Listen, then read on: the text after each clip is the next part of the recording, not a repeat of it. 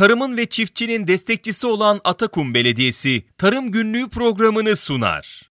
Karadeniz bölgesinin tarım ve peyzaj sektöründeki sorunlarının çözüm önerilerinin konuşulduğu program Tarım Günlüğü her çarşamba saat 15'te 93.5 Radyo Gerçek'te. Tarım Günlüğü programından herkese merhaba. Bundan sonra her perşembe 16-17 saatler arasında Radyo Gerçek'te birlikte olacağız. İlk program olması dolayısıyla kendimi ufak bir tanıtayım. Adım Oğuz Akün. Ankara Üniversitesi Ziraat Fakültesi mezunuyum. Uzunca bir süre Türkiye'nin yerli ve önemli ziraat e, kuruluşlarından bir tanesinde çalıştım. Kastamonu'dan Artvin'e kadar Iğdır, e, Sivas, Erzincan, Erzurum ve OHAT üzerinde Amasya ve Tokat'ta görev yaptım.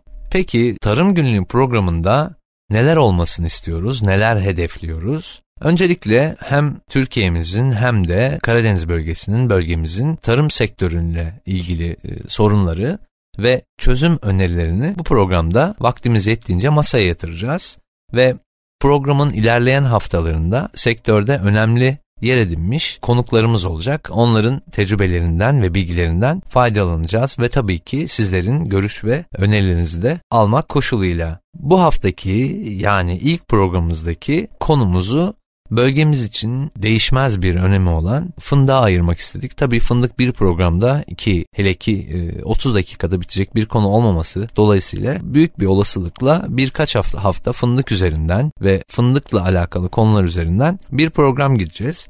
Bu haftaki programımızı şunu ayırmak istedim. Aşağı yukarı e, iki yıldan bu yana fındık bölgesine ilgili çalışmalar yapıyorum. Yani o bölgeyi e, iyi biliyorum diyebilirim ve özellikle son 3 yıldır fındıkta çok ciddi bir külleme sorunu olduğunu gözlüyoruz ki önümüzdeki e, senelerde de bunun devam edeceği kuşku götürmez ki geçen senede küllemeden kaynaklı zarar fındık üreticisinin oldukça belini bükmüş durumda.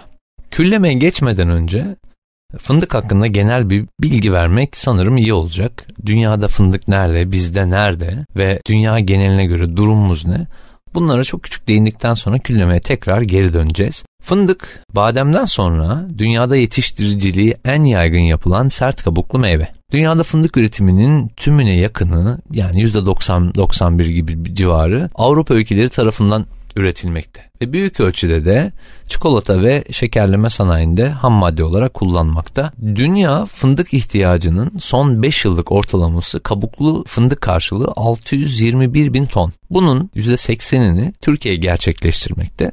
Bu da bizi dünyada e, sektörde önemli bir yere daha dahası da ilk sıraya koymak. Peki fındık Doğu Karadeniz'de, Batı Karadeniz'de peki nasıl geldi? İlk defa Doğu Karadeniz bölgesinde başlanan kültür ırkı fındık yetiştiriciliği devletin fındığa 1964 yılından sonra alım garantisi vermesi, fındığın diğer ürünlere göre daha az emekle yetiştirilen bir ürün olması, bölgede yapılan göçler ve bunun gibi etkenlerden dolayı önce Batı Karadeniz bölgesi daha sonra ise diğer bölgelere yayıldı. Çiftçi kayıt sistemine göre Türkiye'de 43 ilde fındık yetiştiriciliği yapılmasına rağmen ticarette konu olan yani ticarette geçerliliği olan yetiştirilik anlamında şu illerde yapılıyor. Bunlardan bir tanesi tabii ki çok komşumuz Ordu, Giresun, Samsun, Trabzon, Düzce, Sakarya, Zonguldak, Artvin, Bartın, Kocaeli, Sinop, Gümüşhane, Kastamonu ve Rize illerinde gerçekleştirilmekte. Türkiye'de dekar başına üretim ABD ve Gürcistan gibi diğer önemli üretici ülkelerden daha düşük. Ki bu aslına bakarsanız çiftçimizin, üreticimizin bilinçlenmesinden tutun e, gerekli e, tarım politikalarına kadar etkili, etkilenen bir şey. Şöyle diyeyim dönüm ortalamamız 80 kilograma kadar düştü. Tabii 120, 130, 150 alanlar da vardır bahçenin bakımına göre bu değişir. Yalnız şöyle bir durum var. Bu oran örneğin İspanya'da 1 tona varmıştır. Türkiye'de üretilen fındığın %15-20 kadarı iç piyasaya tük- tüketilmekte. %85-80 civarı yurt dışına ihraç edilmekte. Fındık tarımı Karadeniz bölgesinde yaklaşık 2 milyon üreticinin geçim kaynağını oluşturmakta. İşte bana kalırsa asıl da aslında konunun önemli tarafı da bu. Fındık demek Doğu Karadeniz için yaşam demek, hayat demek, alışveriş demek, hayatın devamlılığı demek. Bu anlamda üreticimizin birçok konuda bilinçlenmesi ve belki İspanya'da olduğu gibi Birleşik Devletler'de olduğu gibi diğer Avrupa ülkelerinde bu işi yapan Avrupa ülkelerinde olduğu gibi dönümden e, çok daha ciddi verimler alması için bazı şeyler yapılması gerektiği çok aşikar. İşte bu programın belki de olmasının sebeplerinden bir tanesi de bu. Şimdi kısa bir ara vereceğiz. Ee, aradan sonra e, bugünkü konumuz olan küllemeye geri döneceğiz. Külleme nedir? Nasıl meydana gelir? Önlemleri nelerdir? Onları ko- konuşacağız.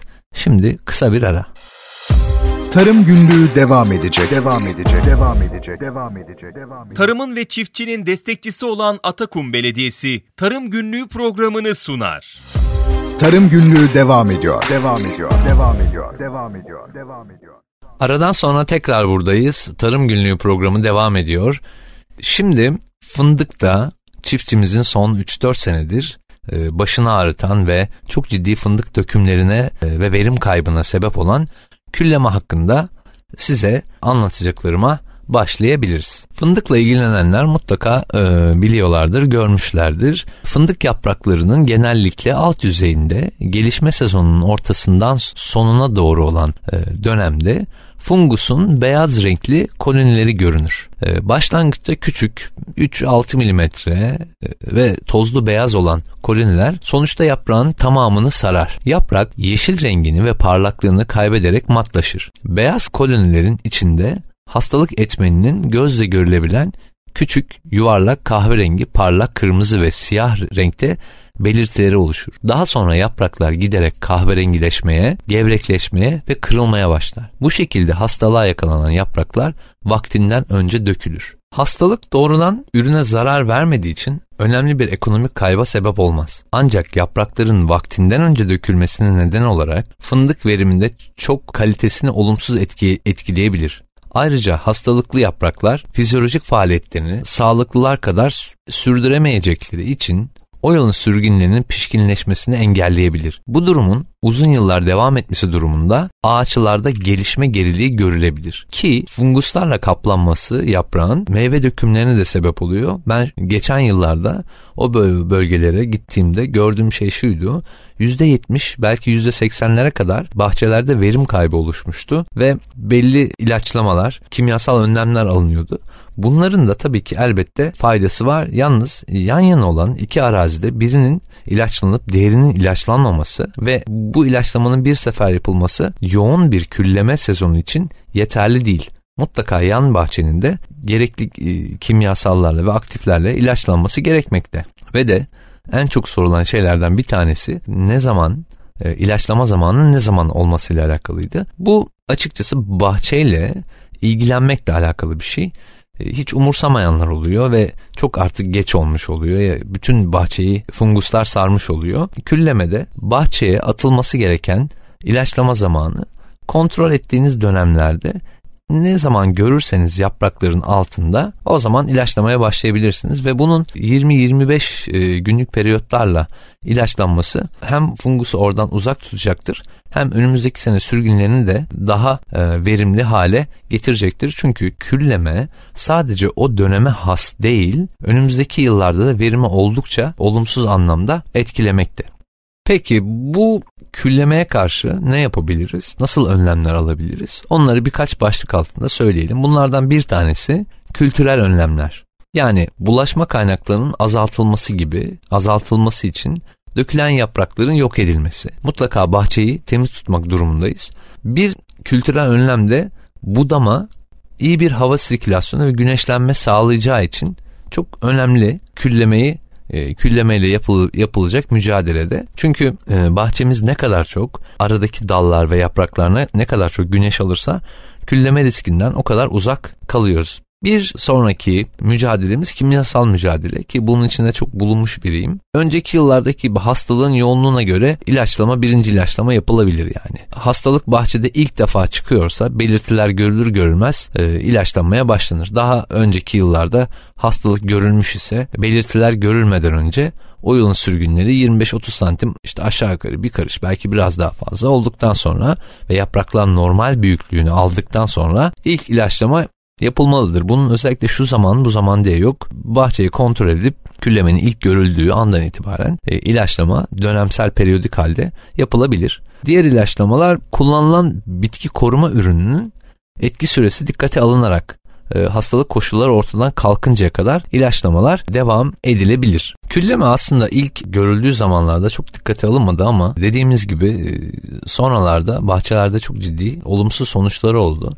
E, önümüzdeki hafta tekrar e, fındıkta diğer zararlılar e, ve e, fındıkta dökülmeye ve verim kaybına sebep olan etmenlerden devam edeceğiz. Bu haftaki Tarım Günlüğü programımızın sonuna geldik. Hazırlayan ve sunan ben Oğuz Akün. Umuyorum önümüzdeki haftalarda da tarımla alakalı hem de peyzajla alakalı güzel paylaşımlar yapacağız. Kendinize iyi bakın. Önümüzdeki hafta görüşmek üzere. Hoşçakalın. Tarımın ve çiftçinin destekçisi olan Atakum Belediyesi Tarım Günlüğü programını sundu. Tarım Günlüğü sona erdi. Sona erdi. Bu program hakkındaki düşüncelerinizi dinleyen et radyogercek.com adresine mail atarak bize ulaştırabilirsiniz.